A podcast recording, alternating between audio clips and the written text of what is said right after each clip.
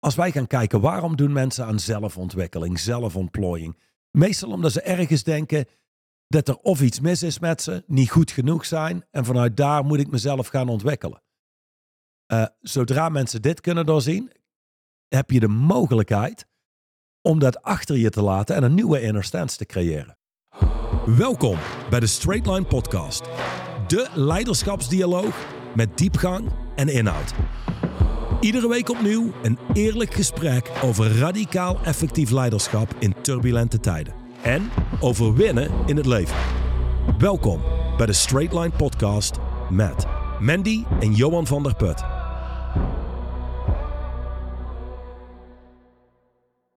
Welkom terug bij... Is dat niet een saai begin? Iedere keer welkom terug Oké, niet welkom terug. Welkom. Dit is... Oh nee, dit, is... de Straight Line podcast. Ja. Zit al aan de voorkant geknipt. Ja, dat klopt. Ja. Dus we zijn met deze begonnen. We gaan vandaag spreken over the strongest version of you.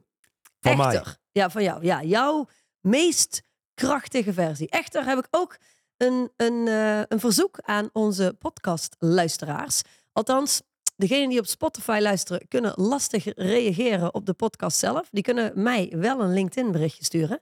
Um, en degene op YouTube, reageer in de comments alsjeblieft.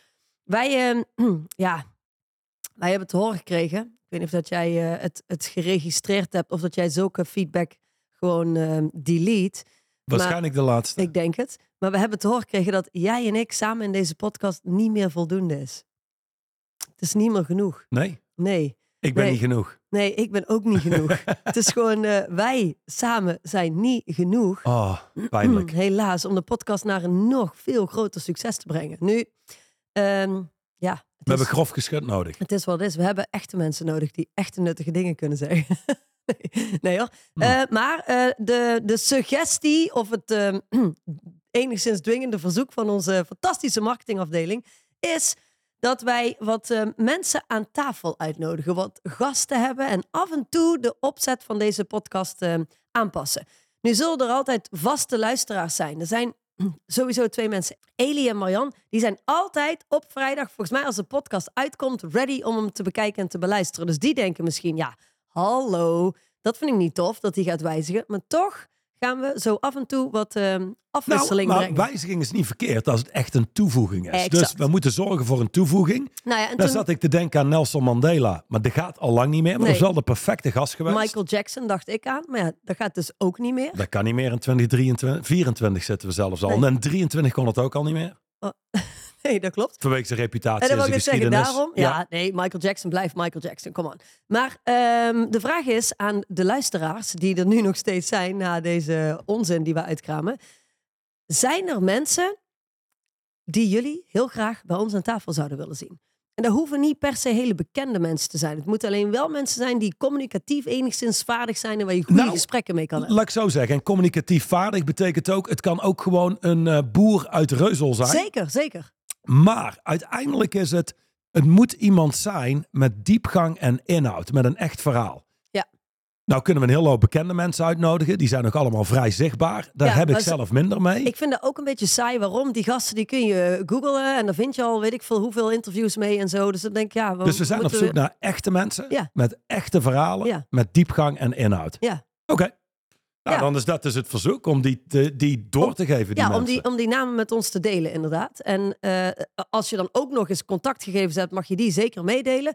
Dan zullen wij zorgen dat er heel respectvol mee omgegaan wordt en dat er contact opgenomen wordt en die mensen uitgenodigd worden. En dat deze podcast nog toffer wordt dan die al is. En belangrijker, nog meer impact gaat maken dan die al doet.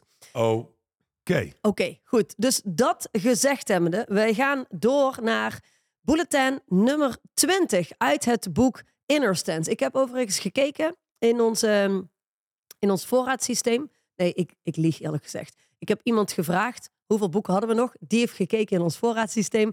En er zijn nog iets minder dan 800 boeken te koop. En dan denk je, oh my god, dat is veel. Maar daar gaat er redelijk snel doorheen in de komende weken. Dus als je dit boek nog niet hebt, nogmaals, bestel hem gewoon. Want hij wordt hierna niet meer gedrukt. Dus je hebt een uniek exemplaar. En als je nou denkt, maar ik wil dan wel heel graag een handtekening van Johan van der Put erin. Laat het me weten en ik regel dat voor je.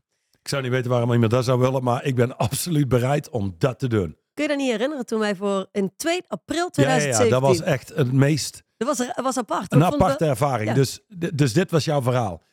Jij herschrijft het boek in het Nederlands, Straight Line Leadership. Ja, ik herschrijf het niet. Ik vertaal het naar het Nederlands. Nadat drie vertaalbureaus hun best hebben gedaan en het niet voor elkaar en het krijgen. gewoon niet voor elkaar kregen, Precies. heb jij daar Straight Line Leadership van gemaakt in het Nederlands. Ja. En wij hebben die boeklancering en toen kwamen al die mensen langs om eh, te laten ondertekenen door mij. Dat ik dacht, ik wil dat doen, maar ik heb het niet geschreven. Laat dat duidelijk Nee, zijn. ja, ik, die, daar ga ik geen credits voor nemen. Dat is Dushan. Ehm, maar ja, die gaat hem niet ondertekenen. Die zit, eh, zit in Santa Monica. Daarom, dus dat geldt ook voor dit Inner Stance boek. Ook die gaat niet ondertekend worden door Duchan. Dus ja, misschien willen ze meneer Van der Put. Dat zou toch kunnen? Je weet het niet. Maar laten we tot de kern komen. Anders blijft dit ehm, eindeloos... We zijn nu al 14 luisteraars kwijtgeraakt. Dus we gaan naar bulletin nummer 20. Ja. The strongest version of you. Exact. Nu, ik vind het altijd leuk, the strongest version of you, als we daarover spreken. Want normaal gesproken heb jij daar een hekel aan. En dan, dan zeg ik altijd, ja maar schat, eh Duchan heeft er wel een bulletin over geschreven. Over the Dus- strongest version of you. Ja, maar eh, wat zeg jij altijd als het überhaupt gaat over de beste versie? Dat is, dat is wat je in Nederland hoort. De beste versie van jezelf. Word de beste versie van jezelf. Daar, daar heb, je, eh, heb jij iets Tegen. tegen. Ik wou zeggen mee, maar eigenlijk iets tegen. Wat is de beste versie? Weet je wel? Ik bedoel, laten we heel eerlijk zijn. Eh, de beste versie hier aan tafel zou iets anders zijn als de beste versie als vader van Lotus. En dat is weer iets anders als de beste versie in een lidmaatschap, waar nu een interventie moet gebeuren en die echt impact moet maken. Dus ik zou daar afscheid van nemen, alsof er een soort van één versie is van jezelf, de ultieme versie. Eh, ik heb dit met Dusan over gesproken trouwens, zei hij om het in het Nederlands te houden, zegt hij: luister, uiteindelijk is het, veel mensen denken in een beste versie. Ik heb ervan gemaakt, sterkste versie. But you get the point. En we kunnen een hele hoop halen uit dit bulletin. Dus eh, Exact. ja, maar ik dacht misschien wil je eh, even toevoegen wat jij er normaal van vindt. ja. Oké, nou in het bulletin staan een hele hoop ehm, eigenlijk losse zinnen die we kunnen behandelen. Ik heb specifiek degene eruit gehaald die we nog niet of nog heel weinig behandeld hebben in deze podcastreeks en ook in de reeks van het Straight Leadership boek. Want er staat, de eerste zin die hier staat is bijvoorbeeld: If the strongest version of you is still holding back, it's not the strongest version of you. Maar holding back hebben we al re- redelijk vaak over gesproken. Eh, eh, weet je wel, still incompetent. Competenties hebben we ook al vaak over gesproken. Dus ik heb er een aantal uitgekozen. Waar... Voor, de, voor de luisteraar is het van belang, hoe vaak wij er ook over spreken, hoe meer je ervan toepast en of je Zeker. het überhaupt leeft en toepast, is natuurlijk het enige wat telt. Ja, repetition is de. Mother of all skill, bedoel je? Die bedoel ik, ja. All right. Eh, dus, dus er is niks mis met herhaling. Maar vandaag dacht ik, aangezien we toch al feedback hebben gekregen dat we te saai zijn. Nee, schrapje. Dat er iemand bij moet. Dacht ik, nou laten we dan eens een keer iets anders gaan doen. Dus we beginnen bij zin nummer drie. If the strongest version of you is still thinking things to death, it's not the strongest version of you. een van de strategieën die mensen onbewust hanteren, waardoor ze nooit in actie komen. Ja, ik bedoel, ehm, er is niks mis met nadenken. Ik zou vooral common sense gebruiken. Je gezond verstand blijven toepassen. Maar er is vaak relatief weinig denkvermogen nodig om in actie te komen en een resultaat te produceren. Dus als je mij zou vragen en ik kijk naar de maatschappij en ik kijk naar mensen, zou ik zeggen: denk minder, doe meer, kom uit je hoofd en start te doen. Alleen op je kamer zetten, nadenken over al die kick-ass dingen die je wil gaan doen, is een heel stuk makkelijker dan die dingen doen. Dus Ja. het is eigenlijk een escape strategy voor mensen. Ja, zeker. Je hebt zoiets als op je kamer zitten en nadenken over alle dingen die je wil gaan doen.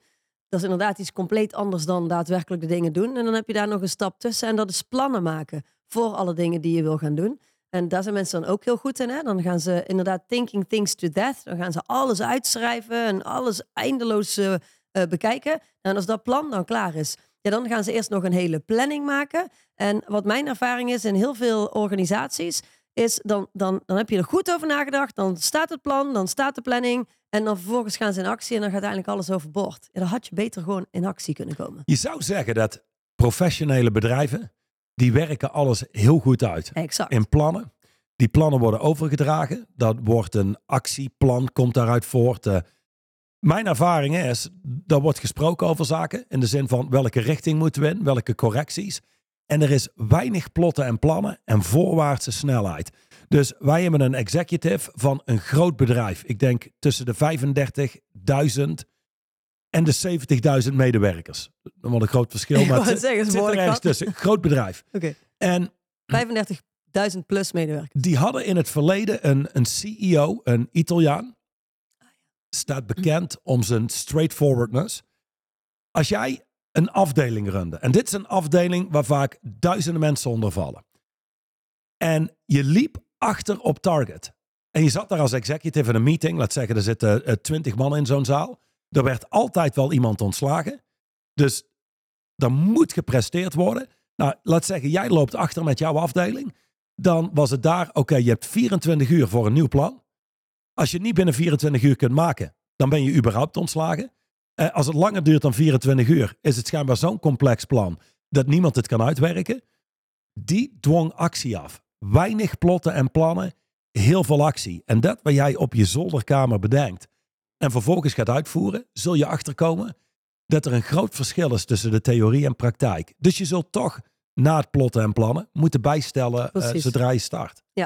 Neem niet weg, zoals je net al heel goed startte, dat je wel je boerenverstand wil gebruiken en wat over dingen na wil denken. Je wilt alleen niet dood denken. Ja, Oké, next one. If the strongest version of you is still trying to fix yourself, it's not the strongest version of you. Mandy, hier zit je eh, helemaal in, gewoon in een andere richting, maar wel briljant. Dus, Dank u, dank u. mijn hele idee van mensen in ons lidmaatschap is, die stappen in en wellicht hebben ze het idee soms, lang niet allemaal, maar ik heb deze mensen nodig om te kunnen versnellen in het leven. Mijn hele doel is dat mensen ons binnen no time niet meer nodig hebben. Als ze dan kiezen om jarenlang lid te blijven, dat is iets anders. Maar laat duidelijk zijn, zij beseffen, straight line leadership, Mandy, Christophe, Johan, wie dan ook binnen onze organisatie, kan in de kern niks doen voor me. In andere woorden, ik zal het zelf moeten doen. Nou, dan ga je kijken naar dat jezelf fixen. Je hebt mensen die gaan van seminar naar seminar naar seminar. En dan zijn ze klaar met een seminar en dan weten ze, ik moet door naar het volgende seminar. Uiteindelijk is dat een soort zelfmedicatie. En wat bedoel ik daarmee? Iemand wordt geboren. En we hebben dit wel eens doorgenomen in een van onze podcasts. Je wordt geboren en je maakt allerlei verschillende events mee. En in de kern, die events die je meemaakt, betekenen niks, maar we geven het wel betekenis. Zoals ik wel eens het voorbeeld geef van het jongetje wat met zijn goede rapport thuiskomt na een heel aantal slechte rapporten. Hij heeft goed zijn best gedaan. Hij rent naar binnen. Mama die kijkt en die zegt: hey, kom naar buiten met die vieze schoenen. En, en een jongetje staat daar met zijn rapport en, en die denkt: het maakt niet uit hoe goed ik het doe. Het, is, nooit goed genoeg. Ik ben niet goed genoeg. Nou, dus mensen verzinnen dingen over zichzelf. Ja, zoals Dushan had zegt, people are meaning-making machines. We, We geven zijn- dingen automatisch Precies. betekenis. Ja. Maar dan niet alleen, vanuit die betekenis nemen we zelf beslissingen. Zoals ik ben niet goed genoeg, ik ben niet oké. hey, ik zou wel succesvol kunnen zijn, maar nooit zo succesvol als dat Mandy is. Dat zit gewoon niet in mijn DNA. Zo nemen we allerlei beslissingen over onszelf. Maar nu komt hij. Het is jouw beslissing. You made it up. Maar vervolgens vergeet je dat je het verzonnen hebt. It's just what so. Dit is nou eenmaal wie ik ben. En dat proberen we te fixen. Dus het is eigenlijk alsof je een foto probeert uit te blazen van een kaars. Omdat je iets aan het Hm. fixen bent waar je zelf als het ware gebroken hebt. Ja. Dus het is een hond die zijn staart achterna zit. Of het is een foto van een kaars die je probeert uit te blazen. Want het is eigenlijk onmogelijk. Je kunt niet iets oplossen wat je zelf verzint. Dus de sterkste versie van jezelf, dat is een, laat zeggen, een inner stance die je kunt aannemen. Die zou nooit bezig zijn met zichzelf te fixen. Die weet er is niks te fixen. Dat wat er te fixen is, is iets wat ik zelf heb verzonnen. En als mensen tot die realisatie komen, is hun leven nooit meer hetzelfde. Want als wij gaan kijken, waarom doen mensen aan zelfontwikkeling, zelfontplooiing? Meestal omdat ze ergens denken dat er of iets mis is met ze, niet goed genoeg zijn. En vanuit daar moet ik mezelf gaan ontwikkelen. Eh, zodra mensen dit kunnen doorzien, heb je de mogelijkheid om dat achter je te laten en een nieuwe inner stance te creëren. Helder. De- We leven natuurlijk ook in een tijd waarin er op iedere hoek van de straat een coach amateurtherapeut, misschien beter gezegd, te vinden is. Dus je hebt ook zat mensen die in, in interactie komen met zo iemand. En vervolgens ehm, ja, eigenlijk aangepraat krijgen dat er iets mis is met ze. Neem niet weg dat het nog steeds op dat moment zelf verzonnen is. Hè? Maar ze nemen het aan van iemand Ja. anders. En die mensen hebben wij ook wel eens. Ik heb een tijdje terug een, eh, een dame gesproken. Die was bij, ehm, bij, bij drie, drie verschillende coaches geweest. Nou ja, eh, toen ik er sprak over de interactie die ze had gehad met die coaches, dacht ik, nou, die, heeft, die heeft nog nooit coaching ervaren. Maar oké, zwaar. Zoals Dus- Duchan ooit zei tussen, tussen jou en mij. Well, high-end coaches, which are very few, by the way. En toen ging hij door met zijn verhaal. Eerlijk, als het gaat om echte coaches. En ehm nou, nou ga ik een heel aantal coaches. Niet dat die luisteren naar de, naar de podcast. Maar wellicht ehm, over de zijk helpen. Ik denk dat er nog geen tien, even los van sportcoaches, nog geen tien echte coaches zijn in Nederland. Met alle respect. Maar wat jij zegt, de meeste zijn amateurtherapeuten. En sterker nog, de meeste coaches maken meer kapot dan dat ze überhaupt goeds kunnen doen voor mensen. Nou, exact. Dus die dame die komt binnen op mijn kantoor. Ik had een afspraak met haar. En zij gaat zitten. En eigenlijk het eerste wat ze tegen me zegt is... ehm, letterlijk, dit is de eerste zin. Ehm, ja, Mandy, ik ben hier. Ik heb nu drie coaches gesproken. En ehm, dankzij die gesprekken met hun... heb ik me echt gerealiseerd dat er iets mis is met me. Bij mij gingen alle alarmbellen af. Dat je denkt, oké, here we go. Dus ik zei, oh, nou, vertel.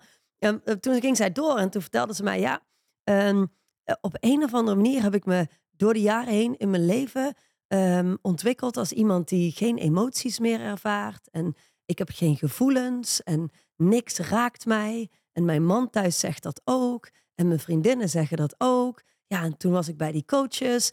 Ik heb niet het gevoel dat ze me kunnen helpen. Maar ja, ze hebben me wel eh, zichtbaar gemaakt eh, ja, dat er echt iets mis is met me. Gewoon, er komt gewoon niks meer binnen.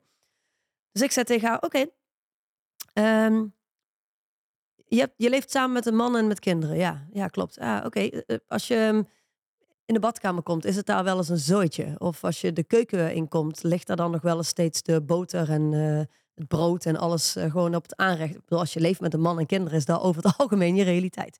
Eh, Behalve in eh, jouw geval, maar voor de mij, meesten wel. ja. Tuurlijk, tuurlijk. Ehm, of als je de slaapkamer inkomt, is het bed dan zeg maar wel eens onopgedekt en zo.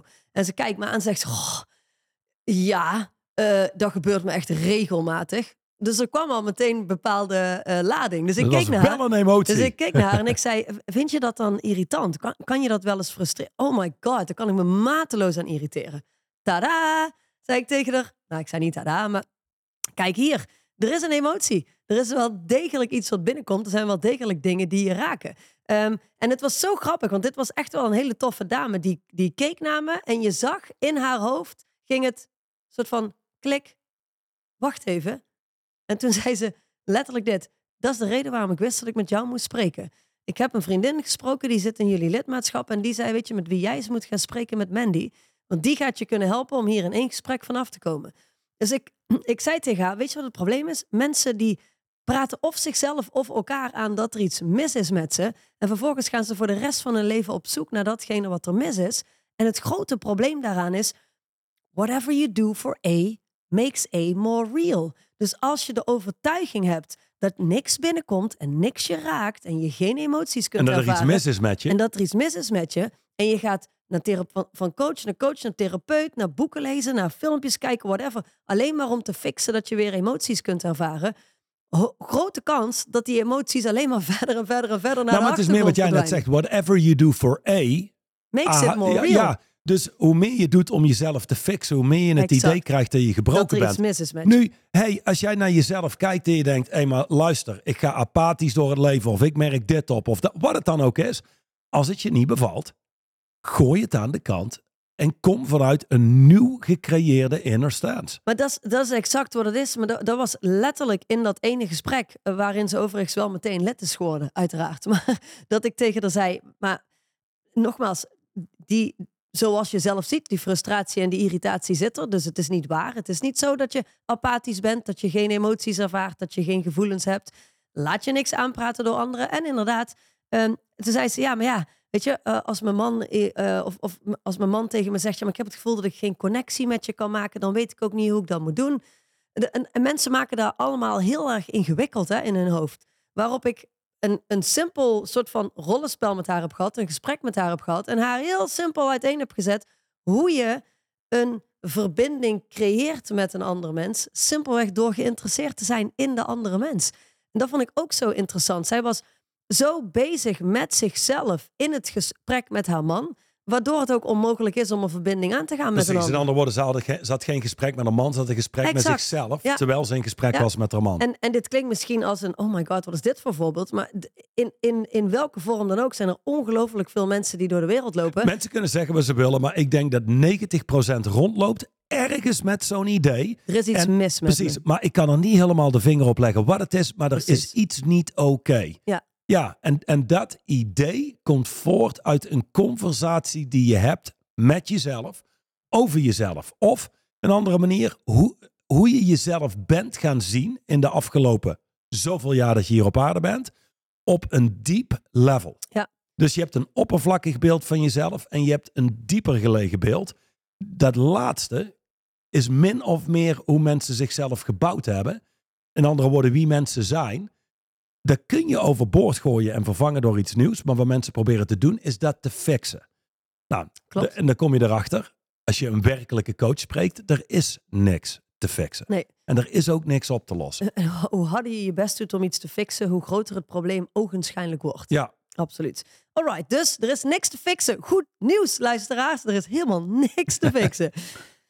Next, if the strongest version of you is still waiting for things to change before you take action, it's not the strongest version of you. Een goede vraag om jezelf te stellen is: waar ben ik op aan het wachten? En wellicht is het antwoord onmiddellijk niks. Maar als je de tijd neemt om in zo'n vraag te gaan staan. En in een vraag staan bedoel ik, het gaat niet eens zozeer om het antwoord. Het gaat om wat je ontdekt als je in zo'n vraag staat en vanuit daar naar buiten kijkt. Waar wacht ik op? En niet zozeer ehm, zo van, ben ik trouwens ergens op aan het wachten? Want dan ga je ook niks zien. Nee. Hetgene wat je ook niet wil doen is, ehm, goh, een antwoord zozeer meteen willen vinden op die vraag. Wat zei ik meer dit? Oké, laat ik er eens van uitgaan. Dat ik wacht. Niet als de waarheid, of, maar gewoon lekker eens van uitgaan. Ik wacht ergens op. Waar wacht ik op? En mijn ervaring is dat van A naar B gaan, dat is de taak van een leider. En dit Hmm. is een podcast over leiderschap. De taak van een leider is om zichzelf en een groep mensen zo effectief mogelijk van A naar B te brengen. En over het algemeen zul je merken als een ondernemer zichzelf uit de weg gaat, dat die weg van A naar B heel vlot bewandeld kan worden. Maar mensen plaatsen allemaal extra stappen in zichzelf.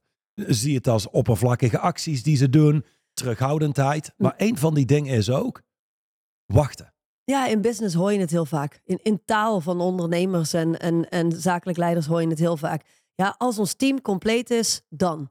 Ja, als die technologie geïmplementeerd is, dan. Ja, als of wanneer we ehm, dat gefixt hebben, dan. Het, het, het zit enorm veel in de taal van zakelijk leiders. Ja, Ze wachten bijna altijd ergens op. En in, en in heel veel gevallen is datgene wat achter de dan komt, iets wat nu al opgepakt kan worden. En waar echt niet op, op gewacht hoeft te worden totdat het team compleet is.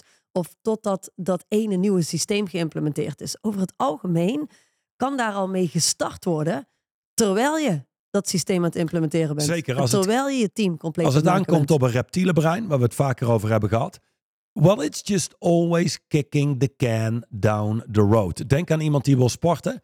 Nou komen we net af van kerst en nieuwjaar. Dan is het, ja, ik ga echt sporten. Ja, weet je wat, na kerst.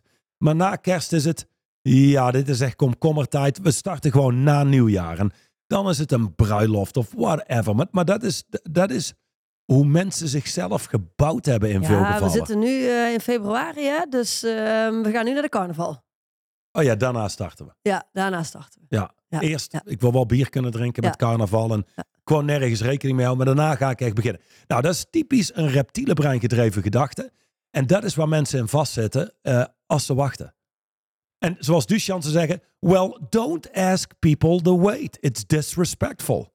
Just move life forward. En als je kijkt naar wachten, ik bedoel, tijd is leven. Dus waarom zou je wachten? Dat is een verspilling van leven. If the strongest version of you is still trying to be liked, accepted and approved of, it's not the strongest version of you. Als je gewoon simpel kijkt. Ik bedoel, ik, er zullen absoluut mensen zijn die door de meeste mensen geliefd zijn. Maar je kunt niet een krachtig leven leiden, een mening hebben en iedereen te vriend houden. Dus dat weten we. Ik bedoel, uh, naar aanleiding van onze podcast krijgen we regelmatig van die reacties en, en weet ik veel wat. Iedereen heeft zijn recht om te antwoorden en te posten wat hij wil. Ja, absoluut. Op het moment dat je besluit om jezelf op het internet te plaatsen, dan moet je ook kunnen incasseren. Er zijn mensen die van ons houden en er zijn mensen die ons haten. Both is totally fine. Ja, en, en laat ik zo zeggen, je kunt niet leven, uh, de deur uitgaan, ergens voor gaan en altijd aardig gevonden willen worden. Dus dat is zo'n obsessie die mensen simpelweg op te geven hebben. En ik zou zeggen, hey, uh, yes yourself. Acknowledge yourself, bevestig jezelf. En dan zul je zien dat het ook wat minder pijnlijk wordt. En laat, laat duidelijk zijn, ik weet nog toen ik begon met Duchan en die zei, luister even, één ding. Weet één ding, er gaan een hoop mensen zijn die tegen je gaan zijn. It's just what's so. Don't make it a big deal. Just move forward. En dat is ook de enige manier om krachtig te leven. Ja, en ik denk dat het wel belangrijk is om, om te benoemen dat je hebt altijd van die um, mannen in business, die zitten dan zo in onze lidmaatschappen achterover in hun stoel, die hangen zo een beetje en die zeggen dan, uh, oh, mij interesseert het helemaal niks wat mensen van me vinden.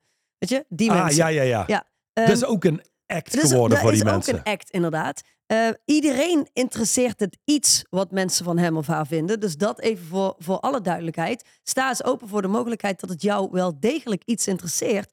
En dat je er voor een deel wel degelijk door, um, hoe zeg je dat, geleid wordt. Want zolang je jezelf niet toegang geeft om daar überhaupt naar te kijken, ga je ook nooit kunnen zien waar het je wel of niet drijft. Het is, laat ik zo Sommige zeggen. mensen doen zelfs heel hard hun best. Um, uh, wat jij zegt is ook een act geworden. Die doen, sommige mensen doen zelfs zo hard hun best om van tevoren al niet aardig gevonden te worden. Weet je wel? Die, die hebben zichzelf ontwikkeld als die botte lul. Die, uh, die niks geeft om wat mensen van hem vinden. Waar hij eigenlijk wat om geeft, is... is dat, dat, is, dat is het nieuwe vinden. ding wat ze gaan precies, beschermen. Ja. En als je daar aan, een, een aanval op maakt, dan zul je zien hoe je ze raakt. Ja, wat Ik- mij maar- enorm eh, ge, eh, ja, geholpen heeft. Kijk, in het begin hadden wij natuurlijk eh, op een of andere manier ik. In het begin had, ha- nee, ik denk in het begin jij meer. En toen is er zo'n periode geweest dat er veel meer vrouwen in één keer allemaal een hekel hadden aan mij. Dat ik dacht, gewoon vrouwen die ik überhaupt nog nooit had ontmoet, die dan wel verhaal hadden over mij. Dat, de- en de- voor mij was het, hoezo? Ik ben toch superleuk en aardig, altijd. Waar, waar- waarom doen ze? Bij jou snap ik het, maar waarom bij mij, dacht ik toen. Ja, ik had daar een gesprek over met Duchamp. Niet dat ik er enorm van in de put zat Wacht, ja. maar het beïnvloedde me wel. Ehm, en toen had ik daar een, een, eh, een gesprek over. En ehm, toen, toen realiseerde ik me eigenlijk in dat gesprek hoezeer het helemaal niks zei over mij. Nee. Gewoon nee. letterlijk niks zei over mij. Ehm, en Duchan zei, en dat heeft hij, heeft hij tegen ons beiden ook gezegd, helemaal in de beginperiode. eh, besef goed dat als mensen een hekel aan je hebben, of je feedback komen geven, of kritisch op je zijn, dan zegt dat niks over jou, maar zegt het alles over hun belevingswereld. Daarentegen, als mensen van je houden, en je mensen je fantastisch vinden, en komen zeggen, my god, dit was de beste lezing of training die ik ooit heb gehad, ook dan zegt het in de basis niks over jou, maar zegt het alles over hun belevingswereld. Dat is volgens mij belangrijk om te benadrukken. Ja, exact. Precies. Dus ehm, nu het volgende. Want ik, ja, ik zit hier de hele tijd op te wachten. Ik heb hier op mijn telefoon een bulletin die geschreven is voor jou. Toen je 40 werd. Oké. En de, ik, ik ga het begin oplezen. Dit gaat over jou. En het gaat verder op wat je net deelt. Ehm, de titel is A Stabilizing Force in a Chaotic World. I told you to stay out of this random and often chaotic world I operate in. But you entered anyway. Hmm. And I told you to be content with a fabulous income as a coach and a comfortable life as a wife and mother. But you entered anyway. En wat hij bedoelt met you entered anyway is het opzetten van dit bedrijf. Ja. Ik bedoel, wij, wij deden coaching. We hadden nooit iets anders hoeven doen. We hadden ons nooit ergens zorgen over moeten maken. Maar jij besloot, we moeten hier een bedrijf rondom bouwen en die boodschap veel meer de wereld eh, in Mhm. krijgen. Nou, I, en dit is ook een belangrijke, I told you that many of your most trusted friends and colleagues would envy and betray you in the years to come. En één ding, als je in business stapt en je staat op het speelveld, weet één ding, mensen gaan je niet allemaal leuk vinden. Maar mensen gaan je ook echt, ehm, Nee. dat is het woord wat ik niet wilde gebruiken. Ik wil Oh. er een mooier woord voor. eh, maar je wordt genaaid. Je Ja. wordt tekort gedaan. Mensen, mensen lichten je letterlijk op. Mensen die je ooit zag als vrienden. Mhm. Weet één ding. Succes en geld. Ze zeggen wel eens, succes en geld veranderen mensen. Fine. Maar ook een fucking omgeving. Ik wou het zeggen, dat is wel mijn ervaring. Ho- 100 procent. Ja. Now, you entered anyway. I was wrong to discourage you, and I'm glad you ignored me. Was I wrong about the predictions I made regarding the adversities you would encounter? No, I wasn't. And you calmly and intentionally dealt with all of the challenges that presented themselves in a dignified and gracious manner.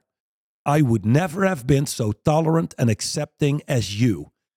Through it all, you never became bitter. You never shut down. Adversity only strengthened you. Dat is typisch een uitspraak die Bane zou kunnen doen in Batman. Adversity only strengthened you. En als mensen zouden weten, eerlijk, hoe super comfortabel wij het hadden. We hadden niks anders hoeven doen als gewoon coachen. En niemand had verder ooit van ons gehoord. En een heel klein deel van de mensen. We hadden alles wat ons hartje begeert. En toen zei jij, we gaan hier een bedrijf omheen bouwen. Oké, fine. Dat doen we. Maar voor iedereen die nu luistert, die een succesvol bedrijf heeft. En, en belangrijker voor iedereen die in de opbouw is naar een succesvol bedrijf. Zoals Einstein ooit zei, verbind jezelf aan doelen. Verbind jezelf aan Hm. commitments, niet aan mensen. Ehm, ik denk dat ik mensen heel goed heb leren kennen. En iedereen die echt succesvol wordt in business, well, you learn about the blood and the guts. Eh, dit is het niet-romantische deel aan ondernemen. En het- het- er is zo'n punt, als je een beetje succes boekt, fine, mensen zijn helemaal voor je. Maar als je echt op een totaal ander level komt, dan ga je, dan ga je meemaken wie mensen zijn. Ja. En it's just what so. Je kunt je daar ook niet echt door laten raken, want dan heb je geen leven meer. Nee, en ehm, mijn persoonlijke ervaring is, als je de ballen hebt om er doorheen te bewegen, wat ik heb gedaan, ehm, dan kom je uiteindelijk op een plek waarin je dus beter dan ooit begrijpt hoe mensen in elkaar zitten. Niet door het werk wat we doen, natuurlijk ook door het werk wat we doen, maar door, door alles wat er gebeurd is. Hè?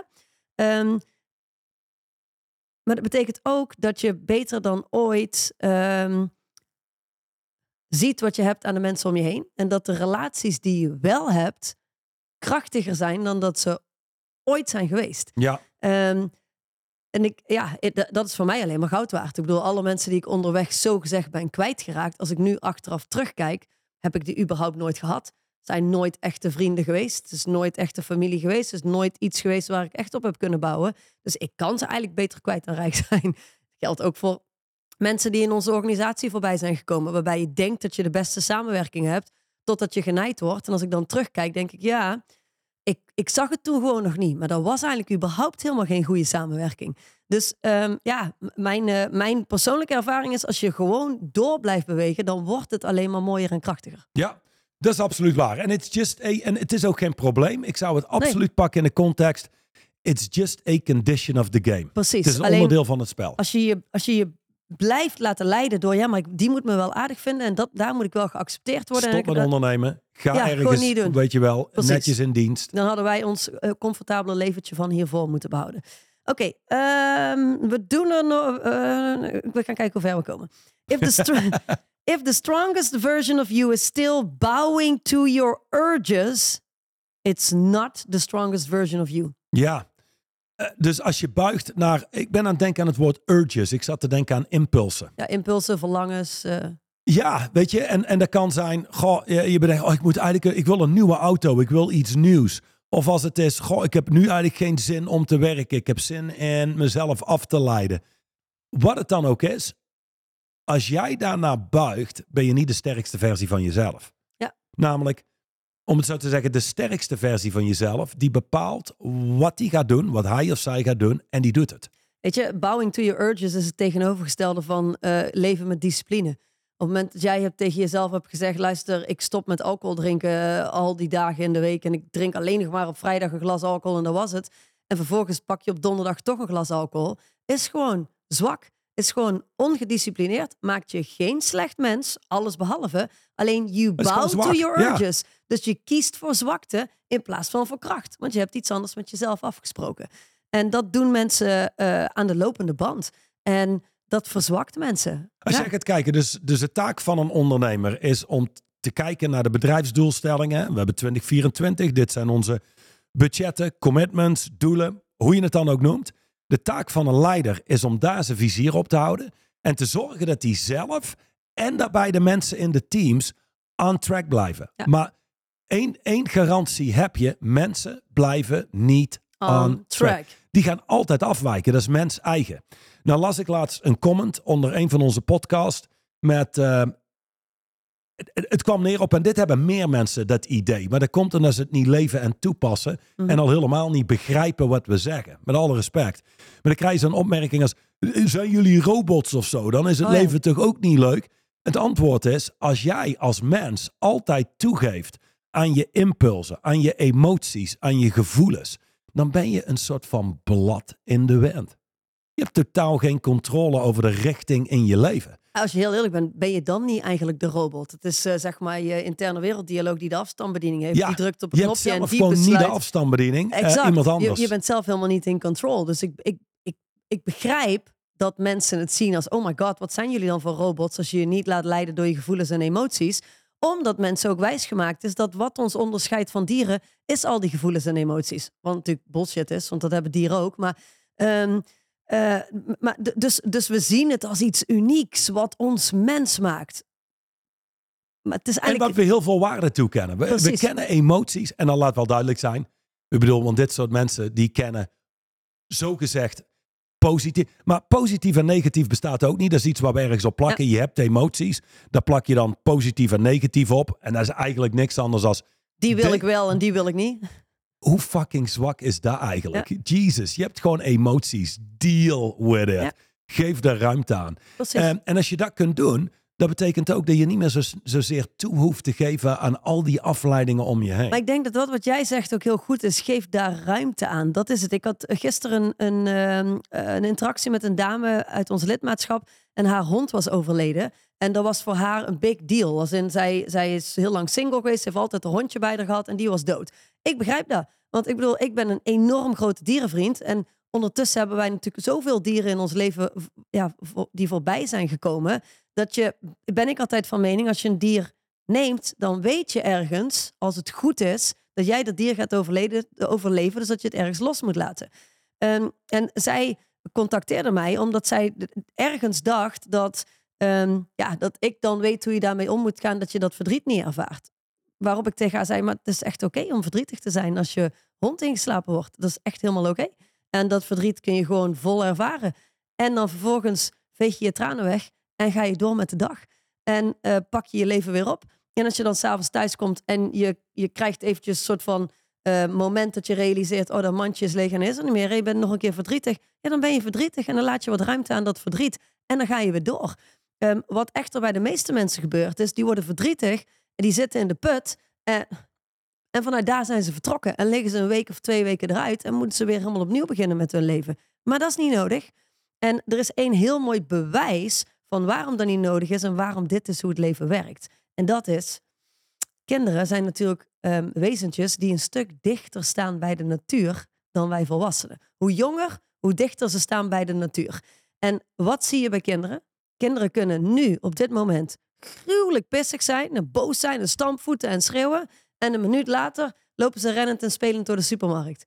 En eh, tien minuten later vallen ze en hebben ze even pijn en zijn ze verdrietig. En drie minuten later lopen ze weer huppel, huppelend door de tuin.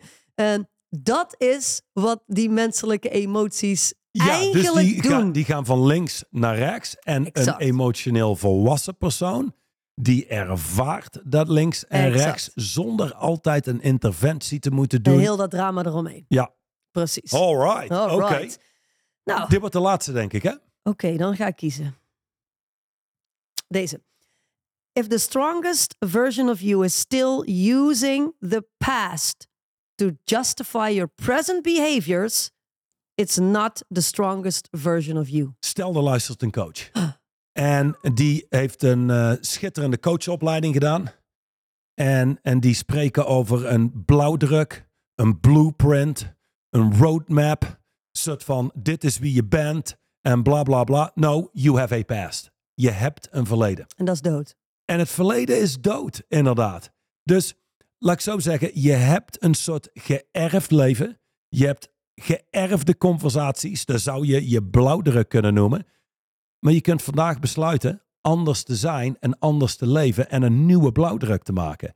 Ik, coaching lijkt wel, hoe kan ik mensen zoveel beperken dat ik tien jaar met ze kan werken en dan zijn ze nog steeds fucked up, maar dan heb ik tien jaar geld verdiend. En zijn ze meer fucked up. Ja, in de meeste gevallen wel. Dus eh, ja, nee, luister, je hebt een verleden. Nu, als jij kijkt naar een boot en die zeilt wind mee en je kijkt achterom, dan heb je zo'n stroming achter de boot. Is dat wat de richting van de boot bepaalt? Het verleden? Nope. Nee, nee. Hoe je het zeil nu stelt en waar je je roer hebt, bepaalt de richting. Dus dat betekent wie je nu besluit te zijn en de acties die je nu onderneemt, bepalen wie je bent. Voor iedereen die dan denkt, ja, maar er zit een soort werkelijke ik in me, er zit een whatever hoe mensen het zien. Dat is totaal niet mijn ervaring. Als je echt werkelijk gaat observeren en aan de slag gaat met waar, waar we hier nu over spreken, dan ga je dieper kijken en dan is het, als er nu iemand met een pistool op mijn hoofd zou staan. En die zou me zeggen dat ik gedrag X, Y en Z, wat ik al jaren doe, niet meer mag doen. Want dan schiet hij. Is het dan echt? Schiet maar, want ik kan het niet helpen. Ik heb mijn eigen gedrag en acties niet onder controle. Of ben ik dan eerlijk genoeg om te zeggen, nou ja, je hoeft niet te schieten, want dan doe ik dat gewoon niet meer. Precies. Ja. Mensen, het wordt tijd dat mensen gewoon hun eigen kracht terugclaimen. Door al die bullshit overboord te gooien. En gewoon te besluiten: dit is wie ik ben. Dit is wat ik ga doen. En het vervolgens doen. En Ja. als je jezelf daarin traint, dan ga je zien hoeveel meer krachtig je bent. Als je al die verhalen en je verleden gewoon los kunt laten. Ik bedoel, met alle respect.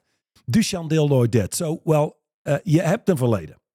En er is een toekomst. En we doen beide alsof het echt is. Een verleden heeft afgespeeld, heeft plaatsgevonden. Dus dat klopt. Eh, De, de manier waarop je er naar terugkijkt is niet per se hoe het heeft plaatsgevonden. Dat zijn vaak de interpretaties en de verhalen eromheen. Dat is ook waar. Ja. Maar het verleden bestaat niet meer. Nee, ik kan jou nu 14 miljoen euro uitloven om terug te gaan naar vorige week woensdag. Maar het kan niet meer. Het is werkelijk dood. De enige manier om het verleden levend te houden, is door jezelf diezelfde verhalen te blijven vertellen. Want dan breng je het Naar nu. de toekomst in. Exact. Want als jij het verleden meeneemt naar nu, en dat doen we al als we spreken over ik wil meer geld. Dat is gebaseerd op het verleden, wat je tot nu toe hebt verdiend. Ik wil betere resultaten. Ik wil andere resultaten. Dus allemaal gebaseerd op het verleden. Dan neem je het verleden mee naar nu. En wat je nu doet, creëert je je toekomstige nu, oftewel de toekomst. Nou, dan ga je kijken. Uiteindelijk zou je kunnen zeggen, waar wij mee werken met ondernemers betekent, je creëert je toekomst niet vanuit het verleden. Je creëert de toekomst vanuit de toekomst. Je gaat eerst naar B. Wat is het wat je wil bereiken? Vanuit daar trek je een pen terug naar nu. En dan ga je kijken, wat zijn de acties die ik daarvoor moet doen? En veel belangrijker, wie moet ik zijn om die acties te doen? Dat zou het mechanisme werkelijk zijn. Dat zou de blauwdruk zijn als het aankomt op leiderschap en prestaties. Ja. En als je beseft, het verleden is dood. Dus het verleden kan me niet vastpakken. Dat kan mijn gedrag ook niet sturen. Dat is alleen maar als ik als een zombie en onbewust door het leven ga. Dat is een robot. Maar als ik mijn bewustzijn breng naar nu en bewust ben van wat ik doe, met alle respect, als jij geen controle hebt over je gedrag en acties, heb je ook geen coach nodig. Heb je echt een therapeut nodig. Ja, precies. En ergens snap ik wel waar het vandaan komt als het, ook komt als het gaat om using the past to justify your present behaviors. Eh, we leven natuurlijk in een. Victimcultuur. Nee, eh, nee, dat is niet de richting die ik op wil. Eh, een, een soort van een informatietijdperk. Mm. We leven in een tijdperk waarin we allemaal informatie, informatie, informatie, informatie tot ons willen nemen. We willen dingen begrijpen, begrijpen, begrijpen, begrijpen. En daar gaat het mis bij de meeste trajecten die mensen doorlopen als het gaat om zelfontwikkeling, omdat ze willen begrijpen waarom ze geworden zijn wie ze nu zijn. Dat en dan is wel gaan ze. schitterend wat je nu zegt. Ja, maar en, dan, en dan, dan gaan ze in het verleden kijken wat er gebeurd is, welke beslissingen er gemaakt zijn en eh, hoe ze zichzelf als persoonlijkheid gebouwd hebben, waardoor ze geworden zijn wie ze vandaag de dag zijn. En wij hebben dat ook voor Straight on Leadership altijd al heel tricky gevonden. Al die, die, die testen en die, die, weet ik, die gedragspersona, hoe zeg je dat, profielen en weet ik wat allemaal.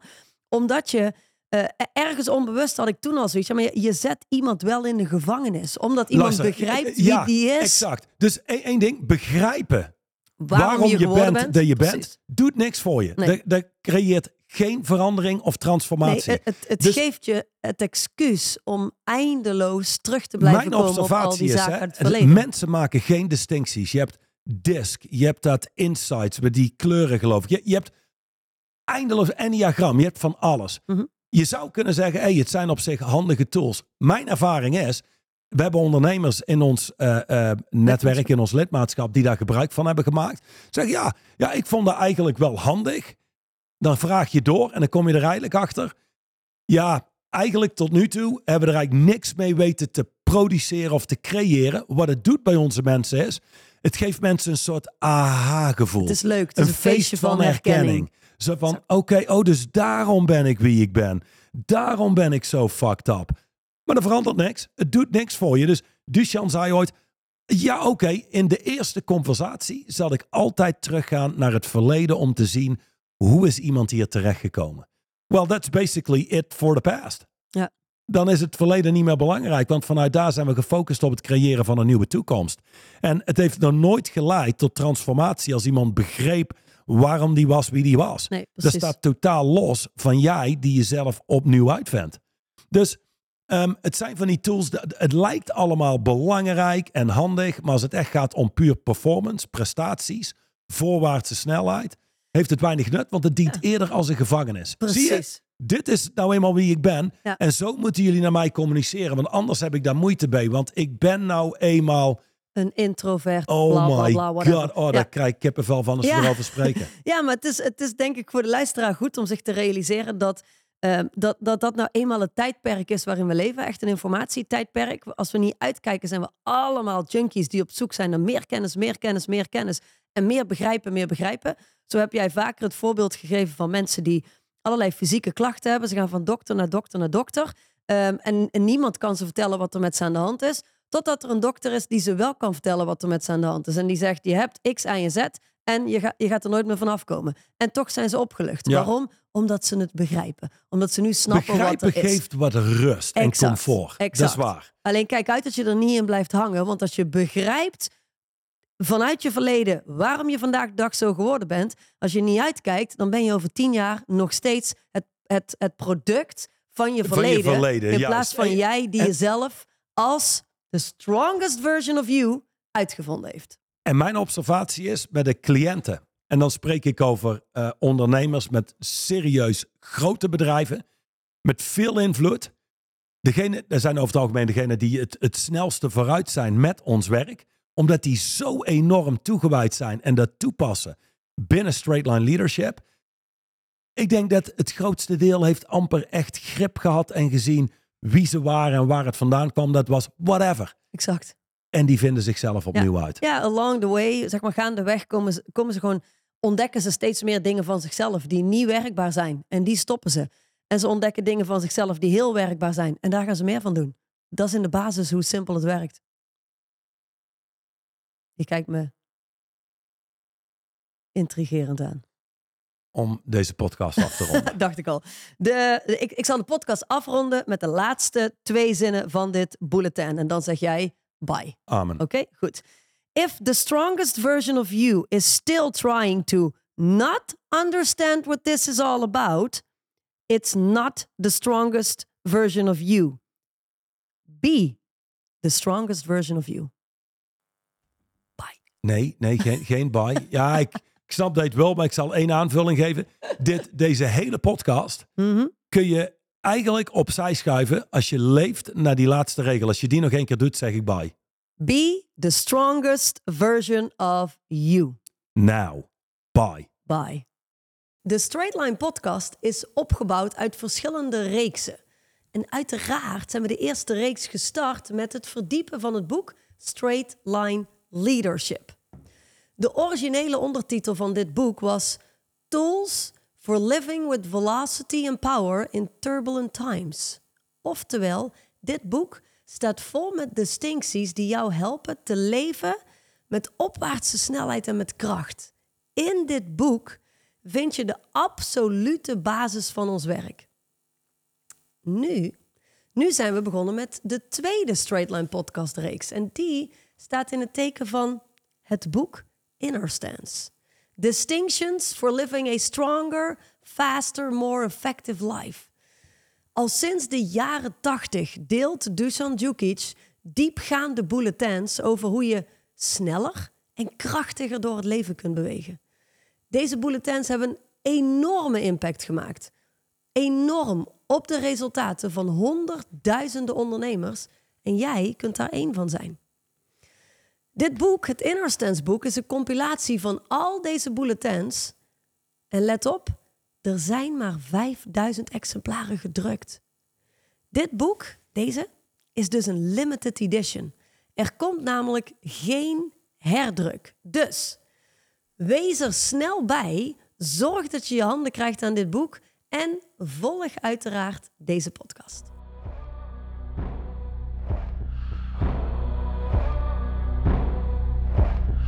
De overige podcast beluisteren of deze nog eens terugluisteren? Ga naar het YouTube of Spotify account van Straightline Leadership.